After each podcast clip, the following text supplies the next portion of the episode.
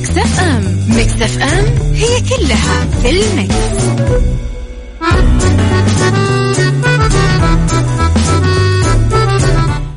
يا صباح الورد والفل والخير والجمال والرضا والعافية والفلاح صباحكم مبارك مثل هذه الأيام المباركة اللي نسأل الله يا رب أنه يكتب لنا فيها كل خير ويتقبل منا فيها صالح الأعمال. تحياتي لكم وين ما كنتم من وين ما كنتم تسمعوني من وراء ال mic وال control معاكم أكون دايما في هذا الوقت أميرة العباس. طبعا عيشها صح يكون معاكم من الأحد للخميس من عشرة الصباح إلى واحدة الظهر. طبعا آه ساعتنا الأولى أخبار دائما طريفة وغريبة من حول العالم جديد الفن والفنانين وآخر القرارات اللي صدرت. ساعتنا الثانية قضية رأي عام وضيوف مختصين وساعتنا الثالثة صحة وجمال وديكور و مطبخ. على تردداتنا بكل مناطق المملكة تسمعونا أيضا على تطبيق Mix FM Android و iOS وعلى رابط البث المباشر عالميا وين ما كنتم. على رقم الواتساب تقدرون دايما تصبحون علي وترسلوا لي رسائلكم الحلوة على صفر خمسة أربعة ثمانية, واحد, سبعة صفر صفر وكواليسنا تغطياتنا أخبار الإذاعة والمذيعين وكل مستجداتنا على at Mix FM Radio تويتر سناب شات إنستغرام وفيسبوك طبعا. صباح الفل يا أبو عبد الملك. يا أهلا وسهلا. عيشها صح مع أميرة العباس على Mix FM. Mix FM هي كلها في ال Mix.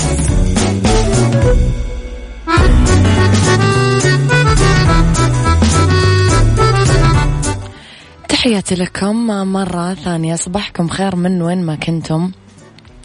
تسمعوني لي خبرنا الأول وأعلنت وزارة الصحة السعودية توزيع أكثر من 19 مليون جرعة من لقاح كورونا تم إعطائها حتى الآن عبر أكثر من 587 موقع للتطعيم في كافة مناطق المملكة. وفي نهاية مايو الماضي أعلنت السعودية أنه 40% من السكان تلقوا جرعة واحدة على الأقل من لقاح كورونا. حتى ذلك الوقت في سياق توزيع اللقاحات لاستعادة الحياة الطبيعية والتعامل مع الجائحة. طبعا أكدت وزارة الصحة السعودية توفر الجرعة الثانية من اللقاح المضاد لكورونا فيروس للبالغين 60 عام أو أكثر في جميع أرجاء المملكة. هذه الأخبار كذا اللي تجيب العافية؟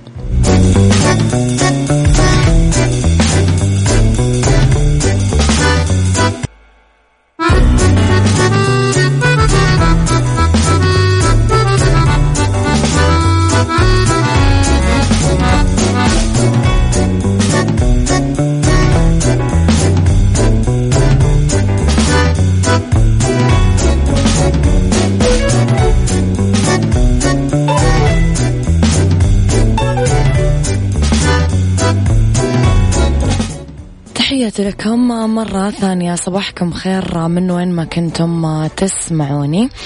آه لي آه دينا الشربيني أيضا. آه، طبعا تكلمنا أمس عن آه البعض لا يذهب للمأذون مرتين وطبعا تكلمنا عن آه كيف آه دينا الشربيني طبعا آه، تكلمت عن كواليس عرض هذا الفيلم و آه تكلمت عن آه كيف كان في كثير لوكيشنز كثير آه آه مشقة وتعب ولكن سمته التعب اللذيذ لخبرنا الفني الثاني بعد دينا الشربيني نشرت الفنانة الكويتية مرام البلوشي صور عبر حسابها الرسمي على إنستغرام وكشفت عن مسرحيتها الجديدة ونشرت صورتها من بوستر المسرحية وكتبت تحتها.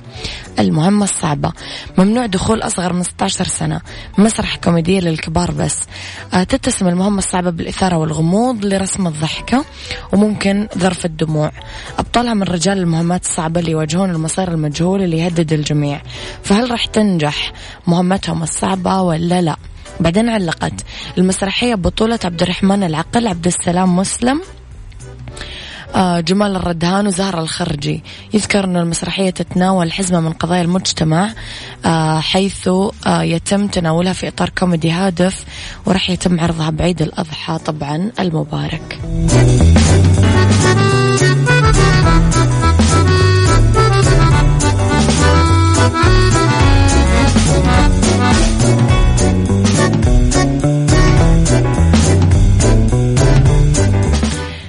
إلى خبرنا الأخير فتحت شركة ناشئة مقرها العاصمة الإسكتلندية أدنبرا أبواب الرزق الحلال أمام معتادي السرقات. وأعلنت أنها راح توظف لصوص سابقين بخبرة إدانة واحدة على الأقل بصحيفة سوابقهم عشان يقدمون استشارات حول ثغرات اقتحام البيوت. تتيح خدمة استعارة لص أنهم يدعون السارقين السابقين للمنازل والعقارات ويكشفوا لهم الطرق اللي ممكن تساعد المجرمين بسرقة أصحابها ويقدموا لهم النصائح حول إجراءات الأمان اللي يمكن لطالبي الخدمة اتخاذها لحماية أنفسهم من اللصوص المحتملين. ذكر موقع إخباري أنه مسؤولين الشركة حذروا من زيادة مخاطر السرقة مع رفع حالة الإغلاق والطوارئ آه، الصحية بأنحاء المملكة المتحدة وأشاروا إلى أنه البيوت راح تبقى فارغة لفترات طويلة خلال اليوم. طبعا راح تستعين الشركة بخبرة مستشار بجرائم السرقات وهو لوك هاريس اللي أمضى 12 سنة في ارتكاب جرائم نهب مختلفة قبل ما يتوب ويعيش كمواطن صالح من ست سنين. معروف هاريس آه، أب, أب لطفلين يعرف كل حيل آه، اللصوص في اقتحام البيوت ويقدم استشاراته لأصحاب العقارات حول الطرق الأفضل لتأمينها.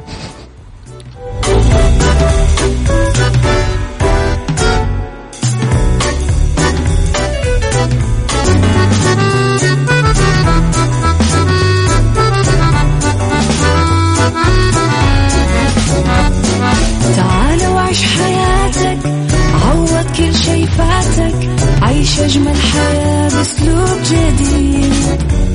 في دوامك أو في بيتك حتلاقي شي يفيدك وحياتك إيه راح تتغير أكيد. رشاق ويتوكيت أنا قف كل بيت. ما عيشها صح أكيد حتعيشها صح. في السيارة أو في البيت. الشيء المفيد ما عيشها صح الآن عيشها صح مع أميرة العباس على مكتف أم مكتف أم هي كلها في المكس.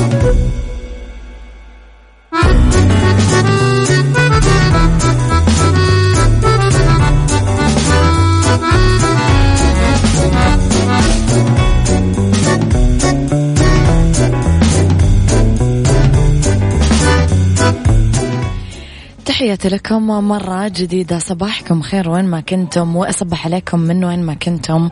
تسمعوني من وراء المايكل كنترول أميرة العباس.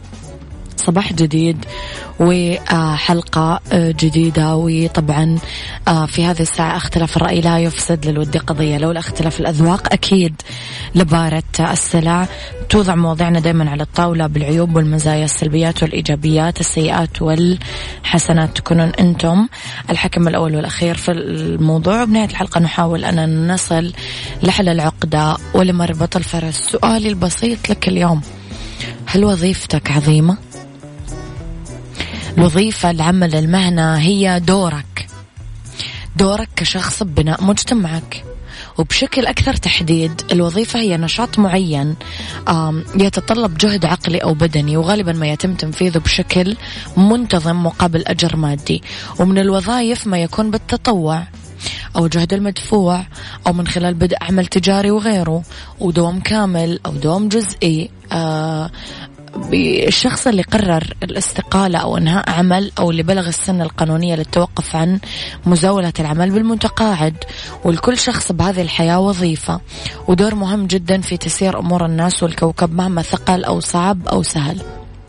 سؤالي هل جربت تتساءل حول أهمية وظيفتك؟ وهل ترى أنه وظيفتك عظيمة؟ قل لي رأيك على صفر خمسة أربعة ثمانية, ثمانية واحد, واحد سبعة صفر صفر. عيشها صح مع أميرة العباس على مكتف أم مكتف أم هي كلها في المكس.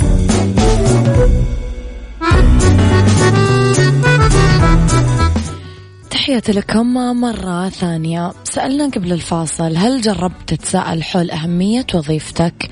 هل تشوف أنه وظيفتك وظيفة عظيمة؟ راح تصير الوظيفة عظيمة فعلا لما تجتمع عوامل كثيرة آه، تشعل عندنا حاجة اسمها روح الحماسة. يترتب على ذلك حاجة اسمها يقظة الذهن بساعات الليل المتأخرة. نبضات القلب السريعة. نتيجة تعب ممتع وترقب لنتائج العمل اللي نسعى لتحقيقها وقت طويل. عظمة وظيفتك ممكن تتحقق بقرار منك لأنه كافة العوامل بيدك وحدك في رحلتك قبل كل شيء. لكن كيف ممكن نجعل من وظيفتنا شيء عظيم؟ راح أقرأ رسائلكم لطيفة اللطيفة تقول صباحك سعادة وراحة بال أميرة الجميلة ولكل مستمعين مكسف أم. موضوع اليوم كالعادة جميل وشوقني. أنا الآن بعمر 39 سنة. أقول لك اخترت أكون آه في خدمة أهل بيتي وأشوف إن ما أعمل شيء جميل وكنت بوقت أعمل بالتدريس سعيدة جدا لكن وصلت لمرحلة الضغط الإداري فاخترت الاستقالة. ما أقبل الضغوطات اللي تخلينا نتعامل كالآلة بدون إنسانية. بس والله سعيدة الحمد لله بما أقدمه وأمارسه بحياتي اليومية من نشاطات طبيعية للمرأة. ويا رب يومك مبارك وجميل للجميع. مرة حلو أبو عبد الملك يقول أبو عبد الملك إذا ما يخليني أقرأ أربع ساعات ما يرتاح. في مسيرتي المهنية من عام 2002 اشتغلت بخمس شركات عالمية وتقلدت تسع مناصب خلال 19 سنة الماضية. تعلمت من رئيسي الأسبق بالعمل أنه أسأل وأتعلم ليش أنا جالس أسوي شغلي ومش كيف أنا أسوي لأنه كيف جاية جاية لا محالة. ليش بتعطينا الدافع وتعطينا الاستمتاع لما تكون شريك بالصورة الكبيرة وتحقق أهداف ورؤية ورسالة المنظمة. هل تشوف أن وظيفتك وظيفة عظيمة؟ يقول أعمل كبير مهندسي تصميم أنظمة السلامة. في السابق كانت شركات النفط والغاز بالعالم وكذلك المصانع الأخرى. همها الأول هو الإنتاج بدون الالتفات إلى ما قد يحدث من كوارث في حال حدوث أخطاء تشغيلية. وكم من الخسائر بالأرواح والأموال وتدمير للبيئة تسببت في هذه الكوارث. إلى أن التفتت المصانع بضرورة التركيز على سلامة العمليات. Process safety. بالإضافة إلى السلامة الشخصية. Personal safety. كل يوم أذهب فيه للعمل أحتسب على الله الأجر بما نقوم فيه لنحافظ على كل ما ذكر سلفا من الخسائر. أولا الشغف يوصل له الإنسان بمجرد رغبته في البحث عنه. فراح يلاقي أنه كل الظروف قاعدة تتغير لصالحه بمجرد تحديد شغفه. والكثير من الناس مؤخرا صاروا يدورون على وظيفة موازية لشغفهم عشان يحققون المكسب الأكبر. لما يكون شغفي نفسه هو مصدر رزقي. يا سلام على الكوكتيل الحلو. اثنين الشعور بالانتماء اتجاه العمل. لأنه مفتاحك اللي يجعلك تعطي برغبة ومحبة وسعادة كما هو الحال في عطائك لعيلتك. ثلاثة المرونة بالعمل وهي طريقك نحو الوصول للوظيفة العظيمة بكل تأكيد. لأنه لولا المرونة ما تجاوزت العثرات والتحديات وما تعلمت مهارات الإبداع وحل المشكلات. أربعة الاستفادة القصوى من محيطك. فما تقدر أنك تحصل على الاستفادة القصوى إذا عملت بمنأى عن الآخرين. سواء زملائك أقرانك مجموعات التعلم لأنه الخبرة الوظيفية تكتسب آه، من خلال الأفراد آه، وما راح يصير هذا الشيء إلا إذا كنت جزء من فريق عمل سواء جوا القسم اللي تشتغل فيه أو برا. خمسة اهتمامك بمهاراتك.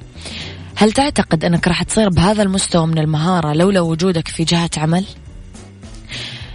نقدر نطور مهاراتنا ولكنها راح تصير أكثر تميز واحترافية لما نلصقها بتطبيقها وتجربتها مع فريق العمل. فإذا يعني أتيحت لك الفرصة لأنك تسوي كذا لازم ما تتردد. ستة خدمتك للآخرين بكل الظروف سواء كان ضمن توصيفك الوظيفي أو لا. بحسب نظرية هرم التعلم أكثر خبرة يكتسبها الإنسان وأكبر عملية تعلم ممكن حدوثها لما ننقل معرفتنا للآخرين وبنسبة 90% كحد أدنى. سبعة سلوكنا وتوجهاتنا الإيجابية هي أحد مفاتيح الوصول لوظيفة عظيمة مهما كانت الظروف. ولا تنسى أن وظيفتك عظيمة لأنك حصلت عليها مقارنة بمن لا يملكها. ولأنك إذا وجدت فرصة للاستثمار بمهاراتك آه، مقارنة بمن لا يحرك ساكنا. ولأنك قاعد تحقق سبب مهم من أسباب وجودك بهذه الأرض بتعميرك لها عبر أي وظيفة ممكن تمسكها.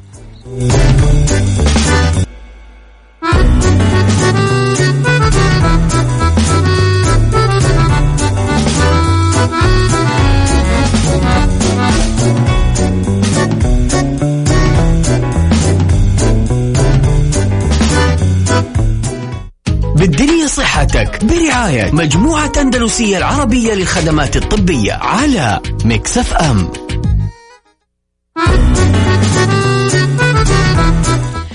وتحياتي لكم مرة جديدة أولى ساعات المساء آخر ساعات تعيشها صح. أرحب فيكم مجددا في ساعتنا الثالثة على التوالي ولأنه يوم الاثنين دايما ينورونا أندلسية. ويضيفي اليوم في الاستوديو دكتور أحمد هيكل استشاري أمراض الباطنة والجهاز الهضمي من مستشفى أندلسية بحي الجامعة. راح نتكلم اليوم في حلقتنا عن القولون العصبي أسبابه وعلاجه. يسعد مساك دكتور. أهلا حياك الله أهلا وسهلا فيك. حياكم الله جميعا. آه، دكتور رح نتكلم عن كثير يلقبونه بمرض العصر أو أكثر حاجة منتشرة أكثر حاجة ي- يعانون منها الناس. إيش تعريف القولون العصبي دكتور؟ هو القولون العصبي هو مجموعة أعراض بتشترك في المدة وفي الترتيب وفي التوالي. في الترتيب وفي المدة وفي التوالي. نعم. آه هو حضرتك دي تعتبر كلها أعراض هو مش مرض هو أنا النهاردة عندي شوية أعراض وفي الآخر ليها أسباب كتير قوي ولما ما الاقيش أسباب يبقى أنا بتكلم على قولون عصبي. نعم.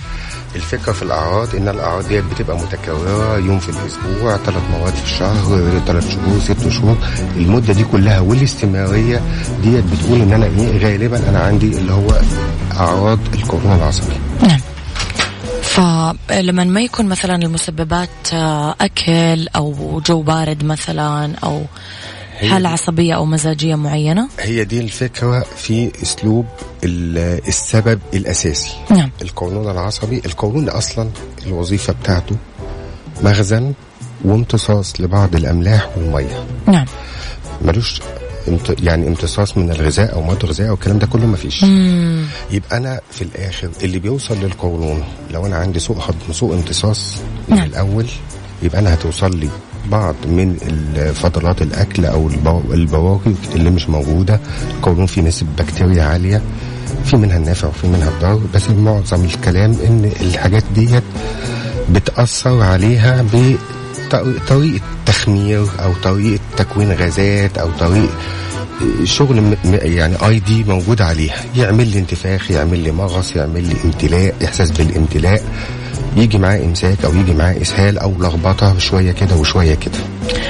طب دكتور إيش أسباب القولون العصبي؟ بمفهوم الناس العاديين أغلب الناس تعتقد وصلح لنا يا دكتور اذا المعلومة غلط إنه الأشخاص فعلا اللي عصبيين هم اللي عندهم قولون عصبي من كلمة عصبي هم رابطين الموضوع ببعض. فإيش التفسير الطبي دكتور؟ إيش أسباب القولون العصبي؟ بص حضرتك القولون العصبي بيتعرف اسمه disease diagnosis by exclusion نعم. معنى الكلمة دي إيه؟ أنا النهارده عندي أسباب كتير قوي تأثر على جهاز الهضم. مم. كون إن أنا أربط إن أنا لما أتوتر آه، أدخل في موقف ستريس كده بطني توجعني في أمراض كتير برضه كده. نعم. مش لازم أخلط ابدا بين بين التوتر وحدوث الأعراض لأن مع أي أمراض كتير قوي في القناة الهضمية وخصوصا الامراض الخاصه بالمناعة أو اضطرابات المناعة أو اضطرابات الأكل أو الكلام ده كله بتعمل الكلام ده. مم. فمش لازم اربطهم ببعض قوي أو ان هي تخليني أفكر فيها. هديك المثل هدي لحضرتك مثل. نعم. معروف قوي ان مثلا آه، اللي هو التحسس من حساسية القمح. حساسية القمح ديت ناس كتير قوي لما بتاكل يجي لها انتفاخ وألام وتقلصات في حالات كتير منها بيجي لها إمساك وحالات بعض الحالات بيبقى فيها إسهال. خصوصا أنا بتكلم على حساسية القمح اللي هي بتيجي في الكبار. نعم. كتير قوي يتشخصوا إن هم عندهم قولون عصبي. نعم. طيب حساسيه القمح ديت مجرد إن هو ياكل قمح ياكل أكل خالي من القمح والمنتج الجلوتين يلاقي نفسه الأعراض دي بتتحسن الأعراض دي بتتحسن وخلاص بي- بيعيش تقريبا شبه إنسان طبيعي. نعم. هو ده عامل من العوامل إن إحنا خدنا الأكل بنوعيات معينة علشان خاطر تريح القناة الهضمية. نعم. التكوين المنتج اللي هيحصل لما يحصل تخمر من البكتيريا أو كده بيبقى أقل أو تبقى يبقى ما فيش. ده برضه بيخلينا نرجع لخريطة الأكل ونظام الأكل شكله إيه. نعم. خريطة الأكل ديت في منها أنواع من الأغذية ما تسببش انتفاخات خالص ليها علاقة بكميات السكريات اللي موجودة وأنواعها. نعم. لازم المفروض إن إحنا بنمشي ونتابع عليها. ديت ده كمرض في بعض الأمراض خاصة بالمناعة آه إن الجهاز الهضمي بيهاجم ال- ال- الجهاز المناعي بيهاجم الجهاز الهضمي سواء ياخد الأمعاء الدقيقة أو ياخد ال- ال- القولون بس أو ياخد كل القناة الهضمية من أولها لآخرها. تبتدي اعراض في الأول هو اعراض الألم و كل ده موجود. ولما يدخل في ستريس داخل امتحان داخل عنده مقابلة عنده عن- كل ده يتعب. ليها علاقة برضه. هي الفكرة إحنا بنشخص. على فكرة عدد حالات القولون العصبي مع التقدم في وسائل التشخيص بقت بتقل قوي. بقينا نعرف فلان الفلاني. إن المشكلة مش قولون عصبي بيعاني من حاجات ثانية. هدي لحضرتك أمس... يعني أس... أمثلة لكده إن إحنا مثلا في في منظار للأمعاء الدقيقة. نعم. لما يجي لي مريض عنده 72 سنة ونكتشف إن إحنا عنده ورم في الأمعاء الدقيقة مثلا. وإن الورم ده سببه حساسية قمح. مم. طب هو طول ال 72 سنة في حياته ما فكر يشيك على نفسه لا هو كان بيروح وكان يتشخص. أصل أنت عندك انتفاخ اصل في كذا في كذا في كذا. الكلام ده اتشخص من الأول. كلمة قولون عصبي أنا بقول لحضرتك زمان ما كان في التشخيص الدقيق هذا يمكن دكتور؟ بالظبط بقينا دلوقتي وسائل التشخيص دلوقتي بقت كتير. إن إحنا بقينا عدد الأشخاص اللي إحنا بنقول عليهم فعلا قولون عصبي قليل جدا. بقى قليل جدا. نعم. طيب دكتور آه، ال- آه، ما يجب تشخيصه أو استبعاده كمسببات للقولون العصبي؟ يعني في ناس بتتهم آه، الأكل زي ما قلت لك في ناس تتهم الحالة المزاجية أو النفسية. آه زي ما تكلمنا قبل شوي إنه عصب أو توتر أو خاف أو ايا كان. ف إيش أس يعني إيش ال- ال- ال- التشخيص أو الاستبعاد كمسببات للقولون العصبي؟ الأول بس نبقى عارفين كويس قوي إن القولون ده جزء من الجسم بصفة عامة. نعم عضو من اعضاء الجسم. آه لو أنا عندي لو أنا عندي مرض مثلا سكر. نعم. طب ما السكر بيأثر على القناه الهضميه حلو. لو أنا خصوصا لو عندي النوع الأول من السكر بيجي للأطفال وبعدين بيكمل معاهم للشباب. وارد جدا إن هم يبقى معاهم على تركيبتهم. المشكلة في الخلل اللي بيحصل اللي كون سكر ممكن يكون مشكلة في القناة الهضمية وفي الأمعاء اللي هي برضه حساسية قمح مع النوع ده ومشهورة قوي. نعم. لو أنا باخد مثلا في بعض الناس عندهم بعض الأمراض المناعية زي بهجت أو أو التهابات الأوعية الدموية طب ما هي دي برضه بتأثر على الأوعية الدموية بتاعة الأمعاء وكده. هو في الآخر لو أنا عندي مرض عام المرض العام ده حيتأثر على القولون. هيتأثر على القولون. فما ينفع يبقى أنا لازم وأنا بروح للدكتور التاريخ المرضي بتاعي. أشرحه كامل. بالظبط. عندي مرض بهجت عندي مرض آه، الذئبة عندي أي مرض من الأمراض. حاجة تانية مهمة الأدوية. إيش باخذ أدوية. بالظبط. في أدوية كتير قوي بتأثر على ال ال الأمعاء وعلى الخلايا اللي موجودة وعلى الجدار بين الخلايا أو أدوية كتير قوي. ما اعتبرش نفسي ان أنا مجرد ان أنا عندي شكوى ودي ملهاش علاقة بدي لا هي كلها حاجة واحدة. طب دكتور ليه بيقولوا لنا أحيانا إنه لا تاكلوا بقوليات البقوليات بتأذي القولون لا تاكلوا من عارفه إيش. هذا كلام صح ولا غير علمي يعني؟ البقوليات هي نعم. مركبات ثلاثية إحنا جسمنا ما بيهضمهاش. هي بتنزل للقولون البكتيريا اللي موجودة هي اللي بتبتدي تهضمها لغاية ما تقلل في تكوين المركبات وبعدين تبتدي. لو حصل إن- إن في بكتيريا زيادة شوية هي اللي عاملاها في الأمعاء الدقيقة. نبتدي نفكر في كده. عشان كده هي بتعمل انتفاخ. والكلام ده يعتمد على الكمية. 50 جرام غير إن أنا آخد 200 جرام. في ناس ممكن هتاكل الكمية الصغيرة مش هيحصل لها حاجة. دي تعتبر على الكمية اللي موجودة قد إيه. نعم. ده كده كبكوليات حاجة هنلاحظها بس التوابل. في كتير قوي ناس بتبقى ماشيين عادي قوي وفجأة لما التوابل اللي موجودة مثلا في البيت تخلص ونجيب نوع تاني هو هو نفس النوع يعني فلفل اسمر مثلا يعني. ماركة فلانية رحنا الماركة الفلانية بالظبط. ثانية أيوه. يحصل لي منها تحسس. حساسية الأكل ديت إحنا لازم بنلاحظ إيه التغيير اللي حصل عليه علشان خاطر أقدر أثبتها. في بعض الناس مجرد أكله العادي بس مجرد إن هو غير نوع. ابتدى يحصل له تحسس ابتدى يحصل له آلام مغص توصل بعض الناس اللي هي لها حكة وهرش بتحصل. أنا وياك يا دكتور طالعين بريك ونرجع نكمل حوارنا مرة أخرى. بالدنيا صحتك برعاية مجموعة أندلسية العربية للخدمات الطبية على مكسف أم.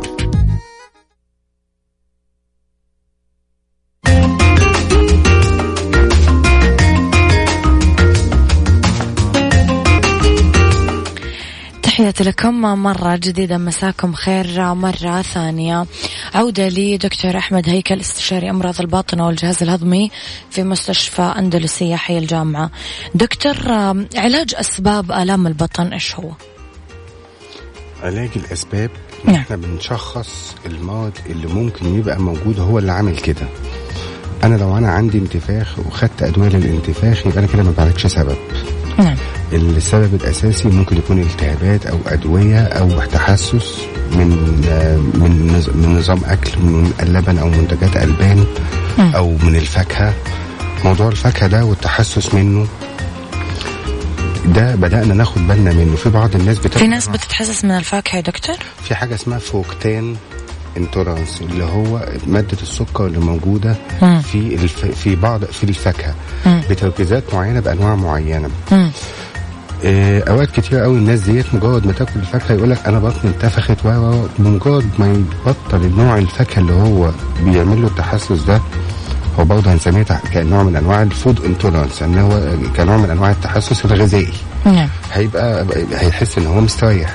أوقات كتير قوي ألجأ إن أنا أغير نوع ال- الفلورا اللي موجودة جوه القناة الهضمية. البكتيريا إن أنا بدي بعض أنواع ال microbiota إن أنا أديها كنوع من أنواع البكتيريا النافعة على أساس إنها تغير لي الجو علشان خاطر تخلي نسب التخمر أقل. نعم. ده سبب. أحتاج كتير قوي إن أنا أعمل اكسكلوجن لبعض للديدان. موضوع الديدان ده برضه مهم. إن إحنا كتير قوي نشيك عليه. مش كلمة نشيك عليها بس أوقات كتير قوي إن أنا ألاقي في أنواع كتير ما إحناش عارفينها هي جاية منين. مم. ده لو إحنا عرفناها يعني في بعض الحالات كنا بنلاقي حاجات جاية مثلا مع سمك مستورد وكده من بلاد في حاجة مشهورة اسمها Capillaria philippinensis جت يعني اسمها كده ناحية الفلبين من الفلبين،. أيوة. ديت بعض الحاجات دي إذا ما كنتش أنا عارفها تحت الميكروسكوب مش هشخصها. نفس الكلام في أنواع ديدان كتير قوي في مواطن كتيرة قوي خصوصا لو إحنا بيجي لنا أكل مستورد من حتت كتير. نعم. فعشان كده أوقات كتير قوي ممكن أحتاج إن أنا آخد أدوية للديدان برغم إن أنا ما عنديش أو إن أنا ما شفتش أو إن أنا مش لاقي تحليل يقول. مم. هيساعد على تغيير المناعي للقناة الهضمية وتحسين الجدار بين الخلايا. نعم. أوقات كتير قوي نحب نحتاج كده طيب دكتور إيش اللي الأعراض العامة اللي من خلالها آه يتم التشخيص على آه سبب طبي؟ يعني أحيانا يوجعنا بطننا ألم عادي طبيعي استحميت طلعت للمكيف أكلت أكل كثير ولغوصت في الأكل إلى آخره من الأسباب. بس أنا متى لازم أعرف إنه أنا أحتاج أشوف دكتور؟ أحتاج أشوف دكتور. لو أنا بدأت تظهر عندي اعراض لأنيميا. فقدان فقدان وزن مم. إن أنا أشوف بعيني إن في دم بينزل مني إن أنا يحصل دم. آه نقص الوزن دي من العلامات اللي هي لازم أدور عليها. نعم. أوقات كتير قوي بعض الحاجات في ناس ما بتاخدش بالها منها مثلا إيه؟ أوجاع العظم أوجاع العظم ديت ما ممكن تكون نتيجة إيه؟ نقص كالسيوم. مم. كلمة نقص كالسيوم ده الكالسيوم ما بيمتصش كويس. مم. والكالسيوم أو الحديد الاثنين بيمتصوا من اقرب من أعلى حتة في القناة الهضمية من الأمعاء الدقيقة. يبقى أنا عندي تأثير للمكان ده. فلازم ببتدي ألاحظ كل الحاجات المتغيرات اللي بتحصل عليا. مفيش حاجة وجع العظم ما سيبوش. وجع العضلات ما سيبوش. لازم أدور على السبب. مم. بنعمل الكلام ده بفحوصات وبنشوف إيه هي إيه الأسباب اللي ممكن بتؤدي لكده في بعضها كتير قوي بنشخص حاجات كتير قوي اضطرابات في المناعة والقناه وال- وخلايا الدم البيضاء أنواع معينة منها بتأثر على القناة الهضمية كل ده بندور عليه بالفحوصات نعم. طب دكتور آه، سؤالي الأخير هل القولون العصبي يؤدي لأورام ولا لا؟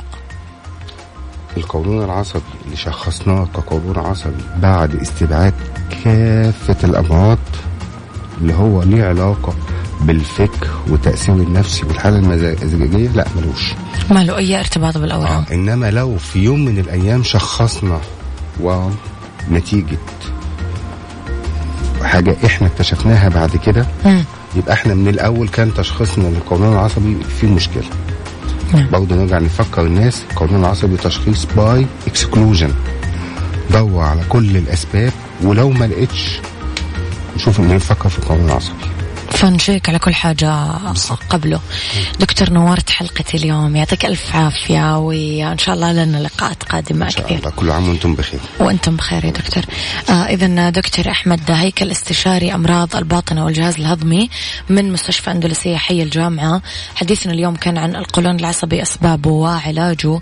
تقدرون تقدرون ترجعون تسمعون حلقتنا أكيد على application Mix FM على Android و iOS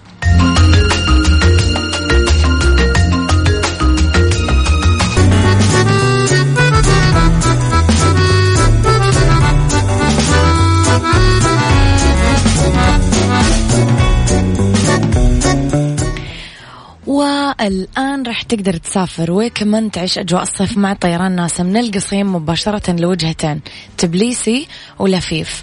بالإضافة لإطلاق رحلة إلى سالزبورغ بتاريخ 23 جولاي. فجهزوا الشنغن ويلا بينا.